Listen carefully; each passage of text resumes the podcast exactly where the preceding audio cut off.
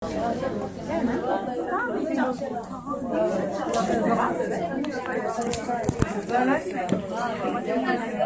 好的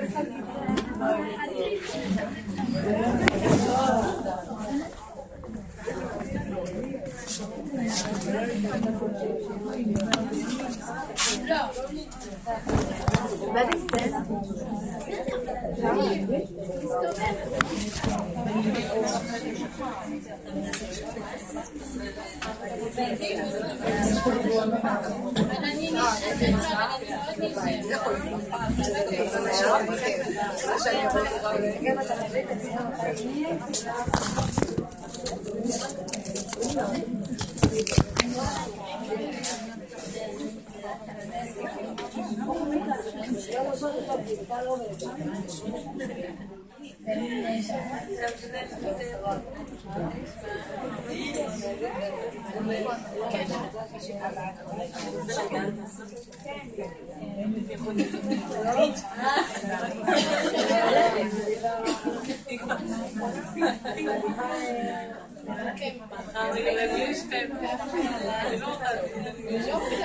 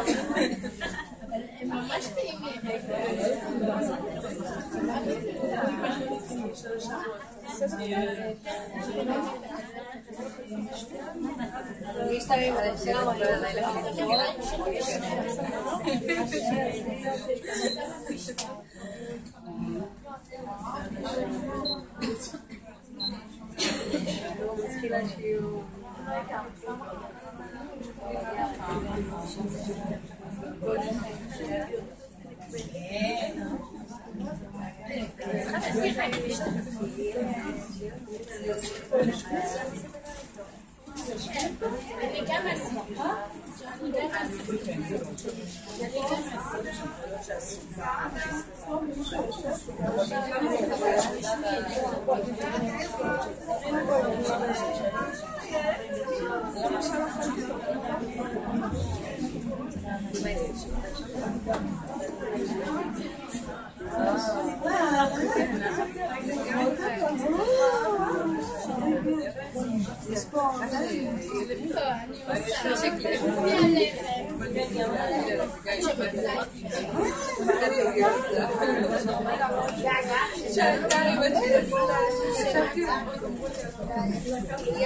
suis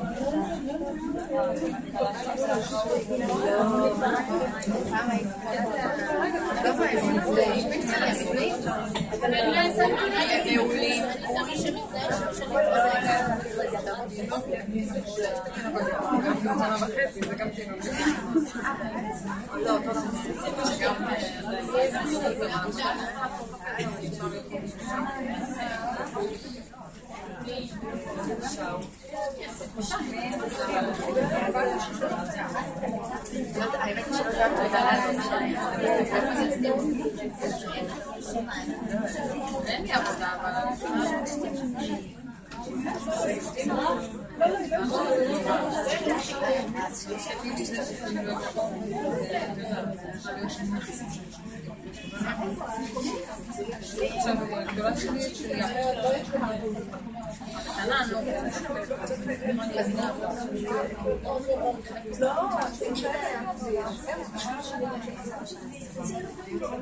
נגד?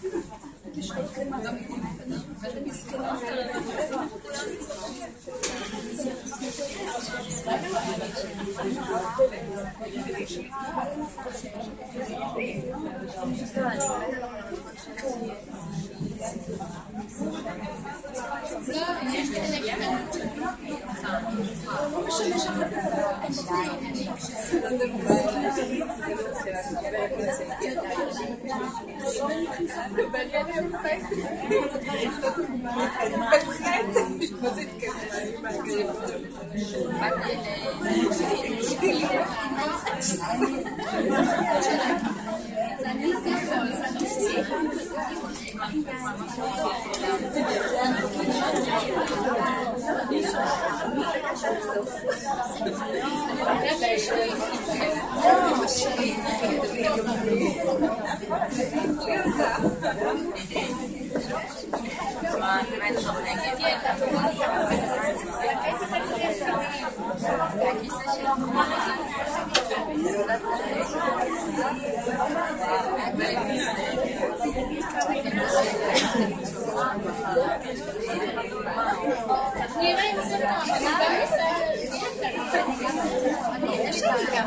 Thank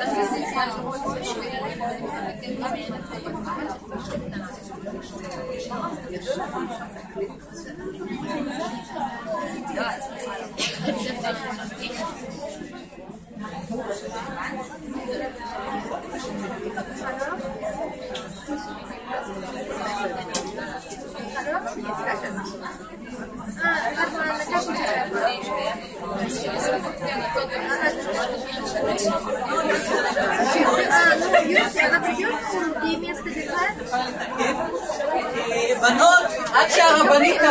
אני חייבת לקנות משהו. הרב קוראים לו יוסף אלגלי אמר, בנות, הרב יוסף אלגלי אמר, חידוש שלא ידעתי אף פעם, כשאנחנו רואים את נרות חנוכה דולקים, אנחנו צריכים לשבת ליד הנרות, להסתכל על הנרות ולהתחיל להודות להשם. להודות מיום הלידה, מיום שנולדת עד היום הזה, כל מה שהשם עשה לנו. חצי שעה רק להודות להשם. ובעזרת השם, השם יגיד לנו, אתם מודים לי? אני אתן לכם שתודו לי עוד. אני אתן לכם עוד טוב כדי שיהיה לכם עוד מה להודות. אז תקשיבו, אנחנו כל הזמן היינו עסוקים בלקרוא תהילים, זה טוב לקרוא תהילים, הכל טוב, אבל החצי שעה הראשונה זה רק להודות, להודות. כי כל המהות של חנוכה זה הודיה. תסתכלו הלל, אומרים הלל שלם זה הודיה, אומרים על הניסים זה הודיה, אה, אה, הכל, כל, כל המהות של חנוכה זה להודות. אז מעכשיו להתכונן להודות, זה דבר ראשון. דבר שני, הרב משה בן משה כתב את חמשת הברכות של המשיח, יש לכם משימה ללמוד אותם בעל פה. הברכה הראשונה, ברוך אתה השם גואל ישראל, רואים את המשיח, מברכים גואל ישראל. הברכה השנייה, ברוך אתה השם אלוקינו מלך העולם, שהחיינו וקיימנו והגיענו לזמן הזה. הברכה השלישית, ברוך אתה השם אלוקינו מלך העולם, חכם ארזים, שהוא חכם כזה גדול, המשיח יותר מכולם. הברכה הרביעית, ברוך אתה השם אלוקינו מלך העולם, אשר חלק מחוכמתו ליראיו. והברכה החמישית, ברוך אתה השם אלוקינו מלך העולם, אשר חלק מכבודו ליראיו. חמש ברכות האלה חייבים ללמוד אותם בעל פה, כי המשיח מגיע. ואם יבוא המשיח, תעמדי ככה ותגידו, אני לא יודעת מה... אני מחכה לה! אני גם רוצה לשמוע אותה. יש לך כתוב את הברכות?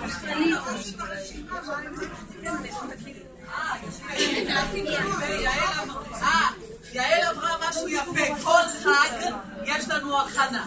כל חג יש לך... את לא יכולה לבוא לפסח ביום פסח ולהגיד מה נשתנה הלילה. כמה אנחנו מכינים לפני פסח. אז לחנוכה לא נבוא ישר להדליק, אלא ההכנה שלנו היא אומרת לקחת עט ודף ולרשום את כל מה שאנחנו רוצים להודות. שלא נשכח משהו אחד. זה ההכנה. יפה מאוד. צפיים ליעל. צפיים ליעל, לימדה אותי עכשיו. לקחת דף ולהכין. להכין. אין דבר. זה השם ייתן לך כפול. השם ייתן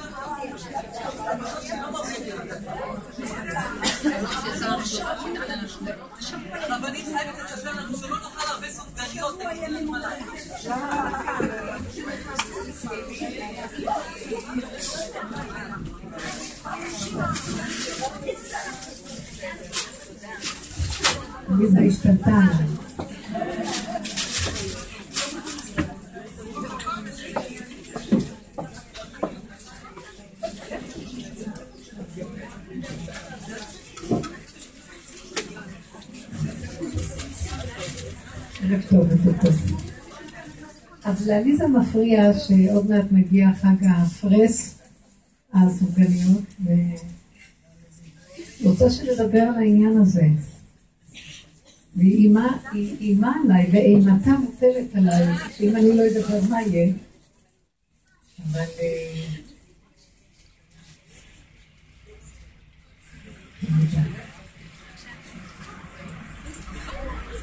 ברוך אתה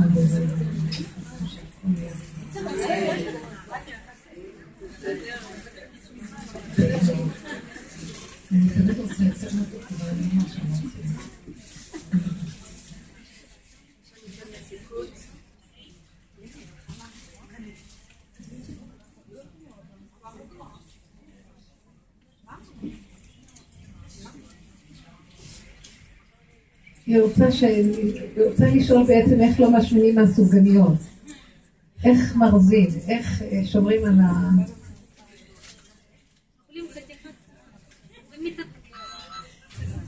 שמעת מה היא אמרה? אוכלים חתיכה קטנה ומתאפקים. תקשיבו רגע, זו התשובה הכי חכמה ששמעתי. עכשיו, לא שהיא אומרת סתם, זה, היא תלמידה של הדרך שלנו. וזה הפסיכולוגיה של הדרך. שכל המציאות של כל הקלקול שלנו, והסבל שאנחנו עוברים בחיים, שאם אפשר להגיד שיש סבל, זה הדמיון כמובן, זה, זה גדלות המחשבה. הכל הולך במחשבה. תדעו לכם שהרעב הוא במחשבה.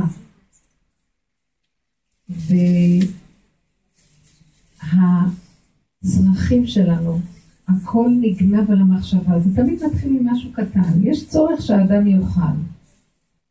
אבל הצורה שבה זה נגנב מהמחשבה, זה גורם לכפייתיות.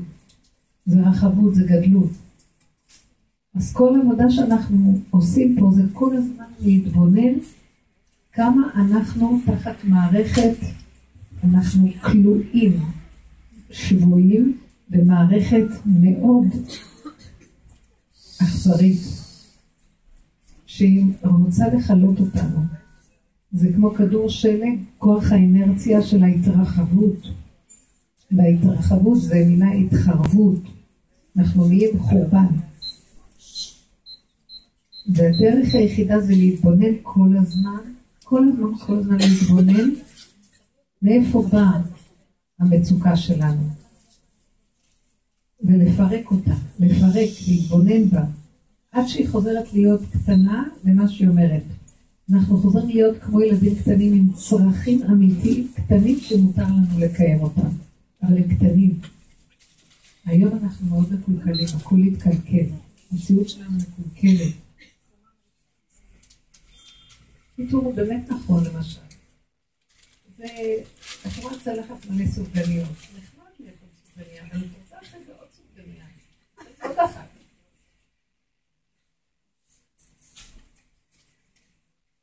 אבל כל העבודה שלנו זה האיפוק. קודם כל להתבונן מאיפה בא הרצון הזה, ועוד ועוד ועוד. זה הדמיון. כי חז"ל אמרו אין אדם מת וחצי תאוותו בידו. יש דמיון של עוד. עוד ועוד ועוד. אם כן, כאן במקום שלנו צריכים להתבונן. אז לפעמים את מתבוננת ואת לא יכולה להתאפק. אז לא נורא. עצם ההתבוננות מחלישה את הדבר. מתבונן, תאכלי, תאכלי עוד סוגיה ועוד סוגיה ועוד סוגיה, תאכלי ותגידי, תראי איך את אוכלת, תראי את הכפייתיות, תראי איך את נראית. ואז תצעקי, אבל אבא, אני לא יכולה להפסיק, אני שבויה. אני שבויה, זה עוד, עוד פתאום, ועוד רמסס, וכל היום רק הם עובדים בפרך, ועוד פעם עובדים, ועוד, ועוד, הוא מעביד אותנו כל היום. בתאוות, בחרדות, בפחדים, בכל תהלוכות הנפש. זה המידות והנטיות הטבעיות, הוא שם עליהם פנס ומגדיל אותם כמו מדוזה נדפס בהם, ואנחנו שבויים. וכולם צועקים גאולה. כי אנחנו אפילו לא יודעים למה אנחנו צועקים גאולה, אבל לא טוב לנו. כי אנחנו לאיבוד בשבי הזה של הגדלות. אז כל עבודתנו היא ההתבוננות לבקש רחמים. וזה גורם להתמעטות. כל עיקר הבריאה נבראה שתהיה התמעטות. לכי מעטי את עצמך. התמעטות זה התקטנות.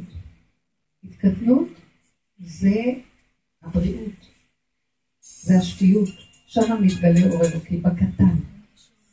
הקטן הוא זה החלקיק של הדבר. יש הרבה שובע בקטן. איך כתוב? צדיק אוכל לשובע נפשו, ובטן רשעים תחסר. מה זה צדיק אוכל לשובע? נפשו, לא גופו אוכל, הנפש שלו אוכלת. אם אנחנו חיים במדרגת נפש, הגוף הזה, הגודל הזה, הדעת ששייכת לגוף, מתקטנת והולכת על ידי ההתבוננות, בסוף נהיה לנו מדרגת נפש. מה זה מדרגת נפש? הגוף נשאר, אבל אנחנו כמו ילדים קטנים בתוך הגוף הגדול הזה. ואז הצרכים קטנים, המושגים קטנים, הכל קטן. וזה טוב. גם אין דאגות.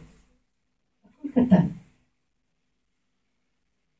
וזה מביא שלא תרצי, לא נרצה לעבור את הגבול באכילה. בכל דבר של טבע. יהיה לנו איזון המידות. האיזון הזה, זה עבודה שצריכים להגיע אליה. כי רק כשיש איזון, אנחנו יכולים לגלות את האור האלוקי. זה האור שרוצה להתגלות, זה האור שגם בחנוכה מתגלה האור הגנוז. והוא בא, ממשיכים את החנוכיה למטה, כן? הכל נמוך, נכון? שזה צריך שזה לא יהיה בגובה.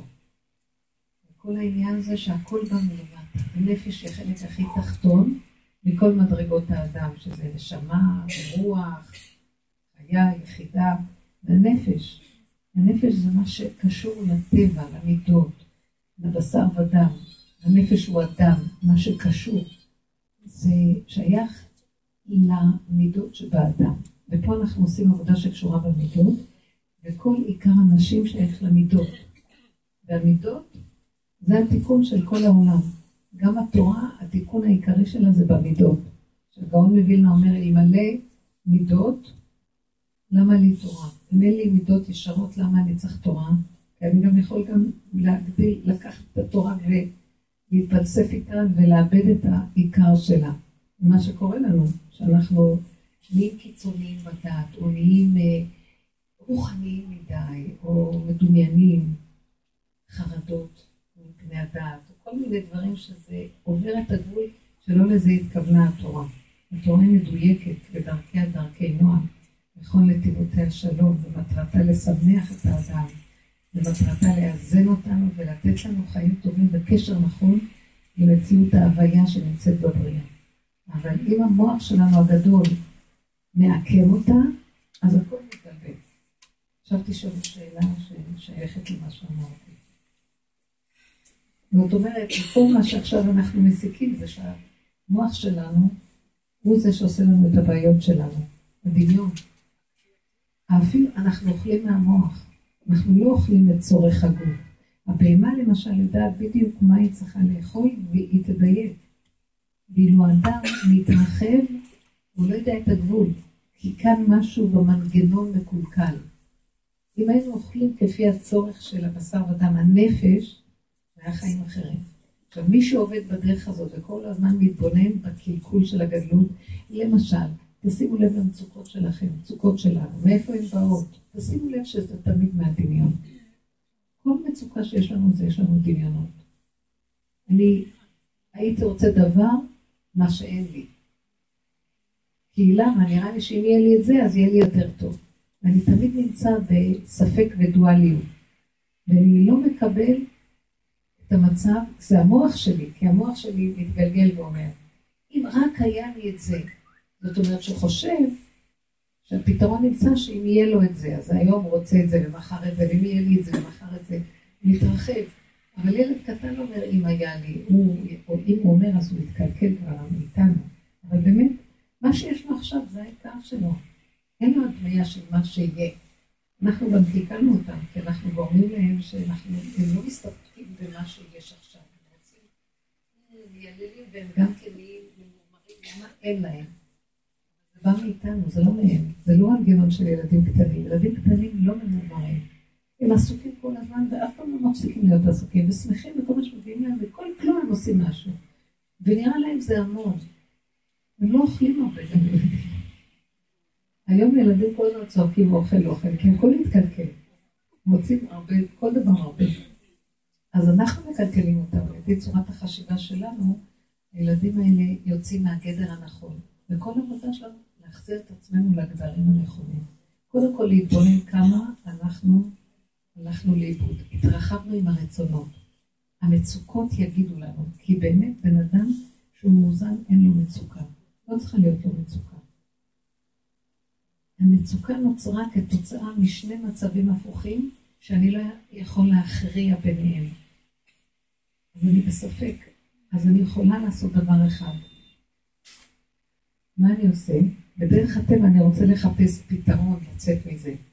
בדרך האמת, כי אם אני מחפש פתרון, אני מסתבך בגדלות של המחשבה. אולי ככה, אולי ככה, נעשה ככה, ונעשה ככה, כן נעשה ככה, פתרונות.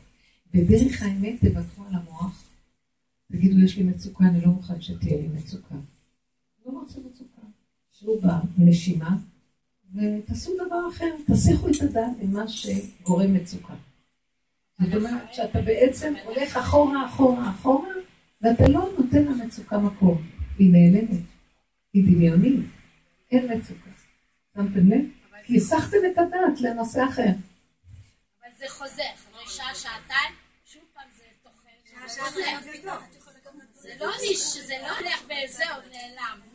כי צריך לעשות טיפול יותר שורשי. בהתחלה את מסיכה את הדעת, אחרי כמה זמן תתחילו לעשות את זה כל הזמן, תראו, תתרכזו בהשלמה וקבלה של איך שזה ככה, זה בסדר גמור.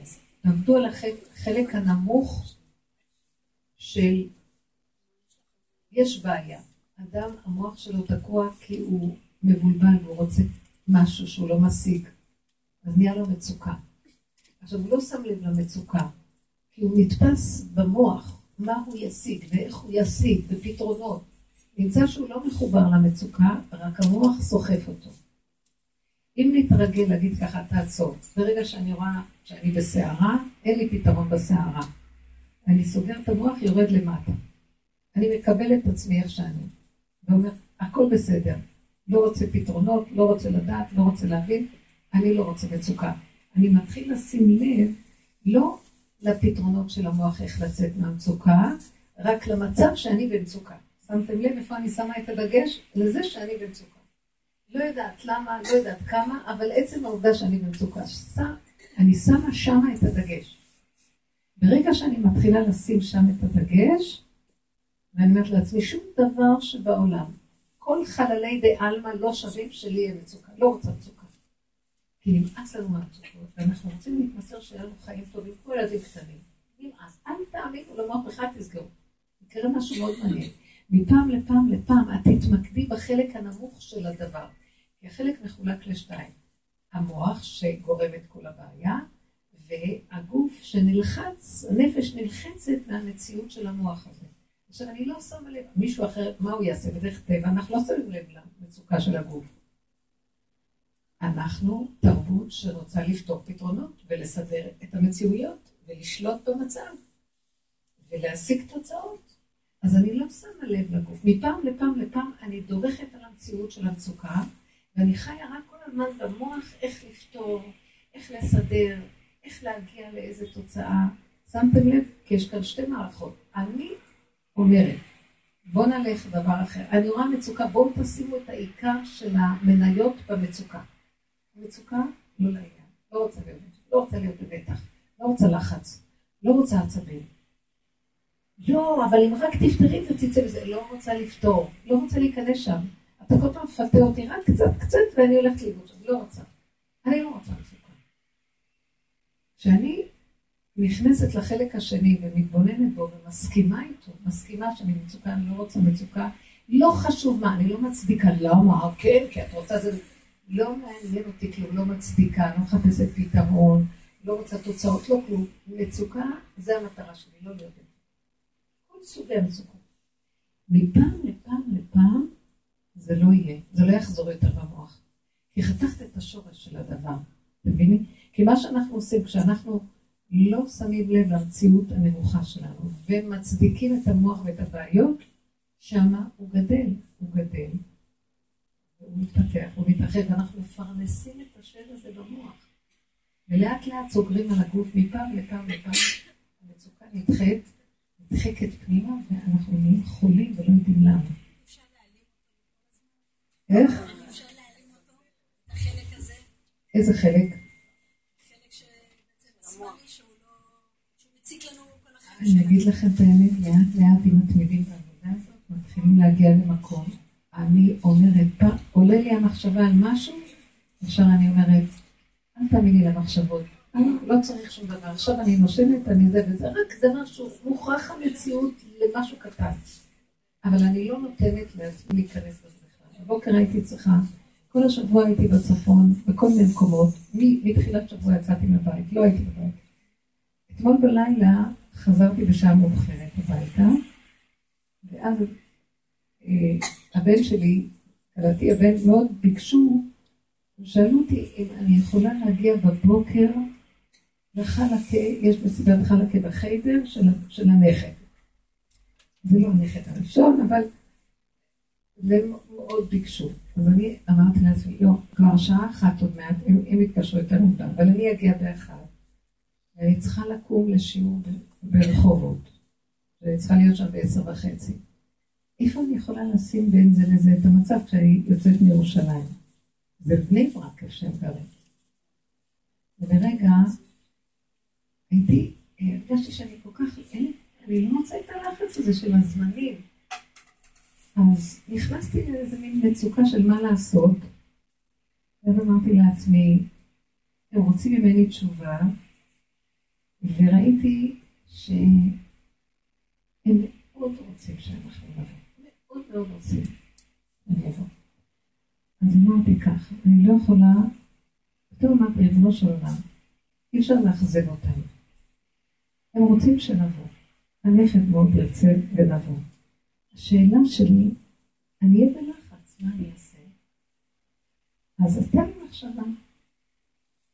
המוח שלך מכניס אותך ללחץ. את תתחילי לחשוב ולהגיד מה אני אעשה, איך אני אעשה, לא אעשה, כן אעשה, אני עייפה, אני רק אשאר כמה שעות ואני אקום מאוד מותשת ואני בקושי אני אשרחב. ויכול להיות פקקים בדרכים, רק להגיע בבוקר, ואחר כך את צריכה משם להתנתק, יש לך זמן קצר. החשבונות הרבים האלה הם יפריעו לך. זו מחשבה שבאה לי. תגידי להם כן, ותסגרי את המוח. תזרקי את המחשבות, תסגרי את, המחשב, את המוח, ותגידי להם כן. הכן שלי, לא שלך. אין לי קול כזה, הכן שייך לי, לא לך.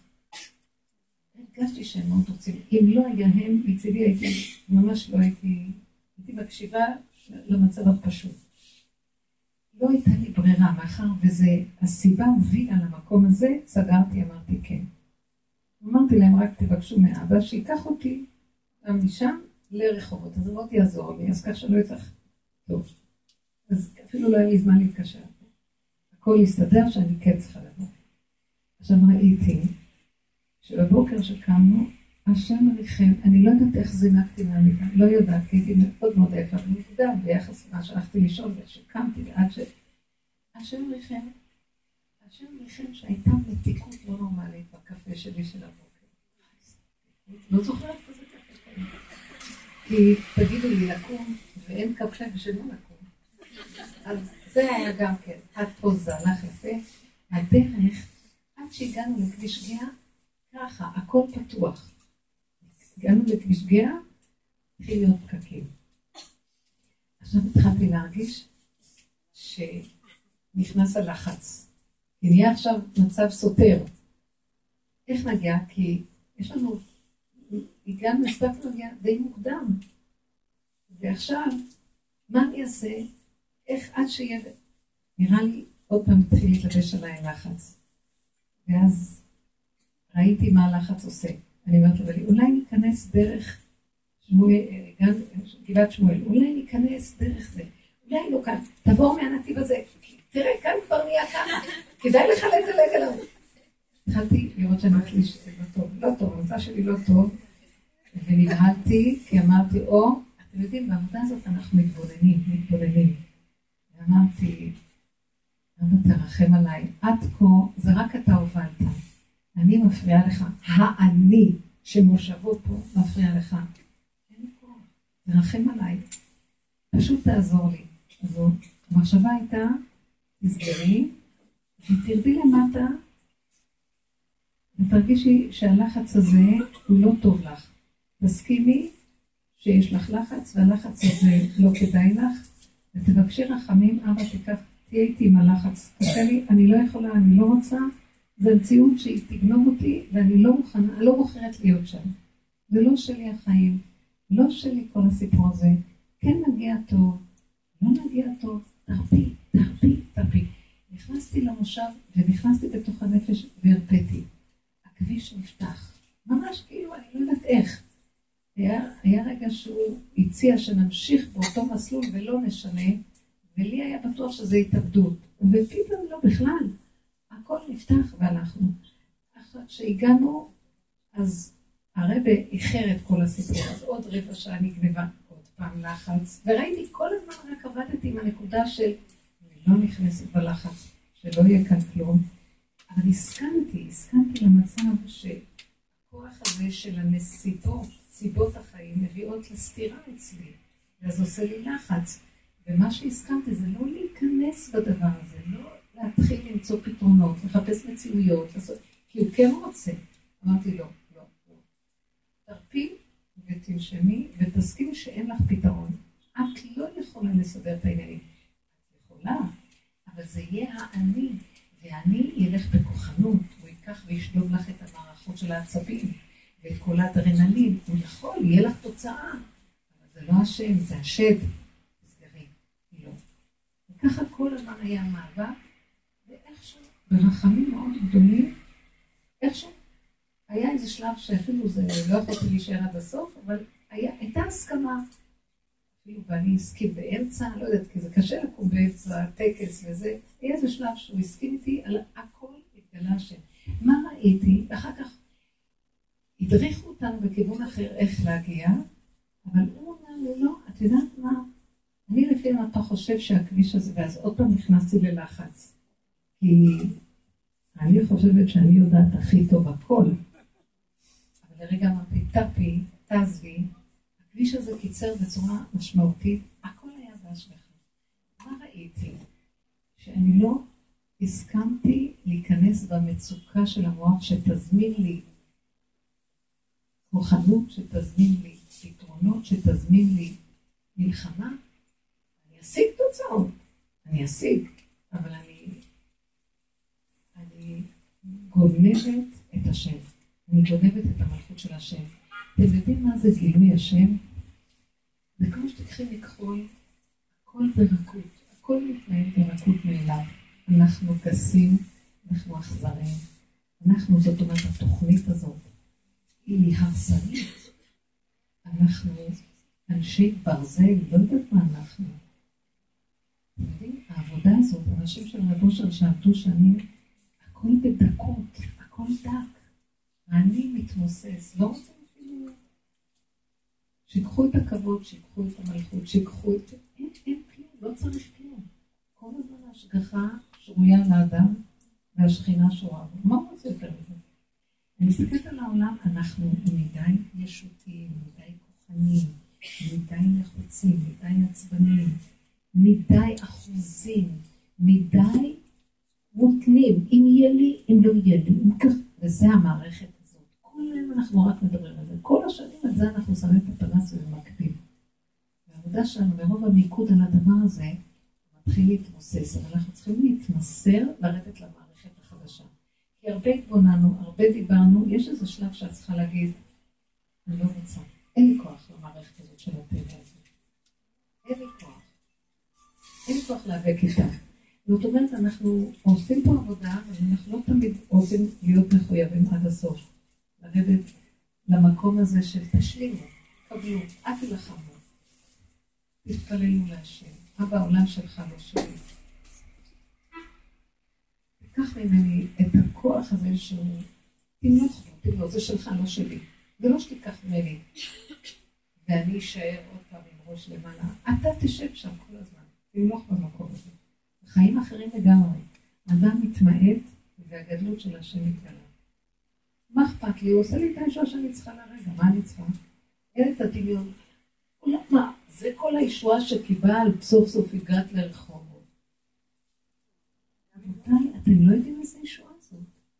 זה דבר קטן פה, זה דבר קטן פה, זה דבר קטן פה, דבר קטן פה, נגמר היום. את שוחה בים של אהבה של השם. רוצה יותר מזה? המוח אומר, לא, יש הרבה תוכניות, זה כלום, זה קטן, מה, זה גם כן משהו. המאי השקרן הזה, זה המן שיושב על העץ וכל זה לא שווה לו. כל היום רק לקשקש במוח. עכשיו תגידו אתם משהו.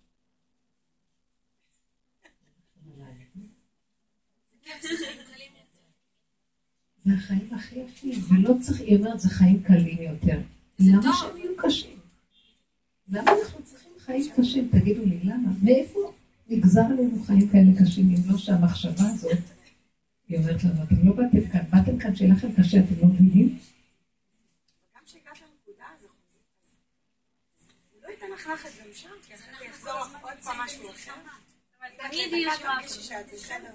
לא.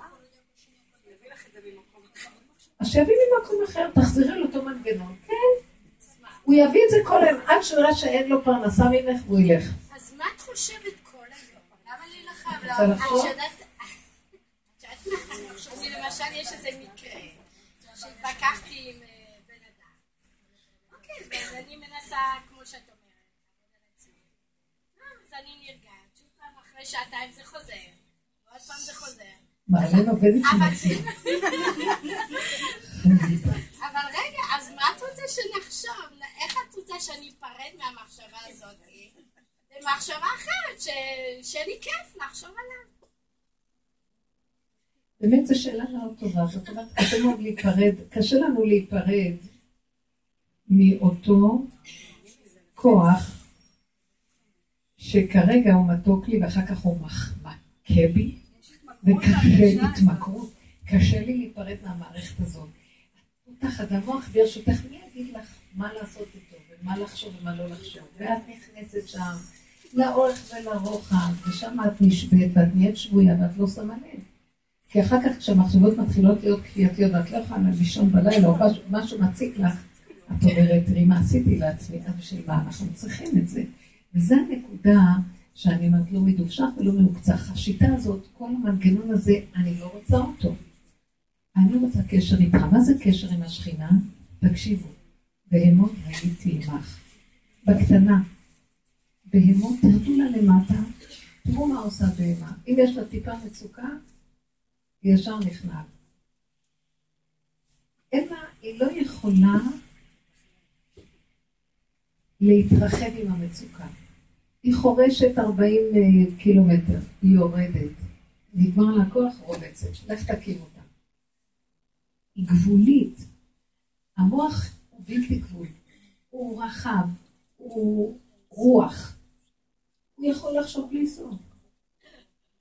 אבל הוא מנתק אותנו מהגבוליות. ואז יש נתק בין שני חלקים. תגידו לי, מה יותר בריא? להיות בכוח שיכול לעוף במחשבות, מה אני אגיד לכם? להתעופף אין סוף. או להיות קשור לגבול גדר ומידה. תראו, זו שאלה מאוד אה, מעניינת. בוא נגיד שאם הבן אדם מתנתק מהגוף, יש לו רק רוח שעף, הייתי אומרת, למה לא שיעוף לאין סוף? מה אכפת לו שאת פה, שאת פה, שאת פה, שאת. ואם הייתי אומרת, אין לו בכלל שום רוח, רק החלק של הגבול, בהמה. הייתי אומרת, שני, זה גם טוב. אין לה בעיות ולזה אין בעיה. אבל כשמחברים את הקומבינה הזה באדם יש בעיה. כי החלק של הגבול לא טוב לו כשהחלק הבלתי גבול מתרחב ומתנתק. מבינים מה אני אומרת? מצד שני, כשאדם נכנס יותר מדי רק בבהמה והוא לא קשור ביסוד של האור אינסוף שלה, בלתי גבול, שזה הנשמה, שזה השם, גם לא טוב. אז הבן אדם הוא קומבינה מאוד מיוחדת, וזה האיזון. עכשיו, אם אנחנו מדי נכנסים בריחוף של המחשבה, הדבר הכי נכון, שזה לטובתנו, הכוח של הגבול משדר מצוקה. הוא אומר, בוא כבר, בוא כבר, איפה אתה הולך? אתם קולטים? מה אני עושה? אני אומר, לא, לא, לא, חכה, יש לי, אני צריכה לחפש פתרון למצב, אני לא יודעת. לא, בוא אליי, זה הפתרון. בוא אליי, תתאזן, הכל יסתדר. רד משם, כי אתה עברת את הגבול.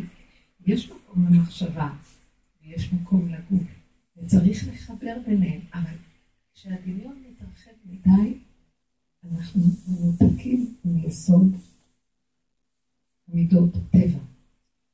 וזה נקרא גלות. אנחנו אומרים בגלות, גלינו מארצנו, מהארציות שלנו, והתרחקנו מעל אדמתנו. ואז אנחנו מאבדים את החיות החושית הפשוטה, שיכולה לאזן לנו את כוח השכל. ואנחנו הולכים לאיבוד. אז זה הגלות. אם לא הייתה תורה בכלל, היינו הולכים לאיבוד. כאילו, התורה, מה עושה התורה? התורה הקדושה היא מתנה גדולה. היא נותנת לנו גדרים במצוות. גדר לכל דבר, גדר הוא מידה. מצווה יש לה גדר, היא לא סתם מצווה. באיזה תנאי, באיזה מצב, באיזה מציאות, הכל תלוי במה, ואז היא, היא משתכללת, התורה כתובה, מצווה כתובה בתורה. הוראה, ספר חוקים. תביא אותה למציאות, עכשיו צריך, אתה צריך גדר. איך לקיים את המצווה הזאת, בתנאי הזה, במצב הזה, בנקודה הזאת, עם המציאות הזאת, בזמן ובמקום הזה. אם זה איש כזה או אישה כזאת. מדייק, זה מחבר אותי למעשיות הפשוטה של הדבר. בוא נגיד, אנשים שלא קשורים עם המעשיות של התורה ולומדים, לומדים חוכמת התורה מרחפים. כתוב, משנה פרקי אבות, תורה שאין עימה מלאכה ודרך ארץ, סופה בטלה וגוררת אבות. זאת אומרת, התרחבות לא תהיה. אבל תלמידי חכמים שהם קשורים לתורה, אז אם זה ההלכה שבה זה גודר אותם, זה הפיתוי גם גודר, כי יש להם גבול איך לומדים את התורה. לא כל מה שבא להם יכולים לחשוב, לא כל הסברות. כל הזמן הם צריכים לעצור ולחשוב לפי הכללים שהתורה נקנית בהם, נלמדת בהם. אז כל הזמן אדם מגבילים אותו, זה בריאות הנפש. אבל אנחנו, אם אנחנו לא קשורים בצורה הנכונה, והמחשבה גונבת אותנו, כי אצלנו אנשים יש לנו סכנה, הטבעיות מתרחב, הרגש גובר, ואנחנו הולכים הרבה לאיבוד בכפייתיות המחשבה. שאצל הגברים זה קצת שונה. יש להם משהו יותר מאוזן שיורד למציאות. מאוד יפה. אני קראתי פעם איזה סיפור, תראו, במצבים הכי קשים, שבשואה הייתה קבוצה של אנשים שכל כך סבלו, אז הגברים ישבו ביחד והם החליטו, אחד מהם קם ואמר, אני מזמין את הקדוש ברוך הוא לדין תורה, יש לי טענה לקדוש ברוך הוא. אז השני הסכים איתו, ואז הם כאילו בית דין. בית דין דיינים, וזה התובע וזה הנתבע, ויש להם טענה, והם טוענים וטוענים, אני לא רוצה להיכנס במה שהם דיברו, והגיעו למסקנה, הם הוציאו איזה פסק שבעצם השם לא צודק. אחרי כמה דקות מישהו צועק, אחרי הפסק הזה כולם קיבלו את הפסק, ואחרי כמה דקות מישהו צועק, מנחה, מנחה. אז כולם התפזרו למנחה. וקראתי את הסיפור, התרגשתי. למה? הם עשו דבר לא פשוט, זה לעלות למדרגות של הכרה, התבוננות, שפיטה, צריך, כוח המשפט צריך את כל החלקים. שקלה וטריה, ולהיכנס ולשפוט, כאילו לדון את השם, להביא אותו לדין תורה, אז צריך להיכנס במדרגות אנשים צדיקים. וזה עד לנקודה שהגיעה שעת מנחה. אז צועקים מנחה, מנחה, נגמר הכל, כולם הלכו להתפלל. וכל כך הערצתי את המקום הזה שאמרתי, זה היהודים. זה הכוח של התורה. שבשעת, יש איזו נקודה שכן רוצים להגיד אותה. הם בניסיון שאף אחד לא יכול לעמוד בה. חוץ מזה, גם הוא להגיע לכל המסקנות ולכל מה שהם רוצים להתרחב ולהתפשט, יש מה שמחייב אותם פה, מנחה. כמה שהוא לא צודק, נעשה מה שהוא רוצה, אין ברירה אחרת. זאת אומרת, יש לנו חלק שכאוב ורוצה, חוץ מזה אנחנו מחויבים לו בגבול ובמידה, זה נקרא שפיות. אלה אנשים ששרדו שואה, כי הם ידעו איפה הגבול לכל דבר. והמקום הזה, זה מה ששמר על עם ישראל בכל הדורות. עכשיו, זה מה שאני מציעה לנו בעבודה שלנו בדרגה אחרת. אנחנו עובדים בדרגת המידות. ואנחנו מתבוננים במידות שלנו ואנחנו רואים, אנחנו לא מאוזנים. למה? התרחבנו יתר על המידה. טוב, לפעמים מותר לבן אדם לחשוב, אבל אם הוא יודע איפה הגבול, גבול, ושיש לו מצוקה, אומר די, עכשיו אני חוזר, נגמר, יש כאן נקודה, אחת, שתיים, שלוש, אני מחויב, שלום. הוא נקרא בריא בנפשו. המידה שלו מאוזנת. יש לנו משהו על מישהו, אנחנו יוצאים, מתלהבים, צועקים, הלכנו לאיבוד. כועסים עליו, דנים אותו, לא יכול לישון בלילה. מספרים, חוזרים הביתה, אומרים, כך וכך קרה, לשון הרע, התרחבו אותי. לא יודעים להגיד, הייתה סיבה, יצא, יצאתי. אני בכלל לא הייתי רוצה שנצא, כי אחר כך אנחנו לא יודעים גם לחזור, ואנחנו בסכנה גדולה של משהו שמושך אותנו ברמה כפייתית מאוד גדולה במידות. כי כבר אנחנו בהפקרות, התרגלנו להיות מופקרים במוח. אז העבודה שלנו צריכה כל הזמן להחזיר, להחזיר. עד שתגיעי למקום שאת לא מאמינה למוח הזה בכלל, לא רוצה להאמין. לא, הוא גם חושב לפעמים, וגם אפשר להפיק ממנו. אני יודעת, אבל מאחר ואני כל כך בסכנה, לא רוצה ממנו כלום, פתאום מתגלה שבמקום הזה, של הסגירה ושל ההתבוננות הפנימית, והדיבור עם השם, והידיעה שאני מוגבלת ותרחם עליי, כי ברגע אחד הוא כבר גונב אותי לעולמות, ואז אני אהיה מנותקת מהגדר והגבול והמידה, אז אני לא רוצה להיכנס שם, שם מתבצרת האדם ישועה. כאילו מגלה איזה אור שנותן לך ישועה, לא כאילו.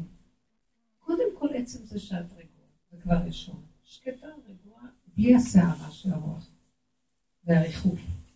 תדעו לכם שאדם הולך למקומות גבוהים במוח, או מתרחב בכעס, שהחיים שלו לא, לא טובים, מסוכן.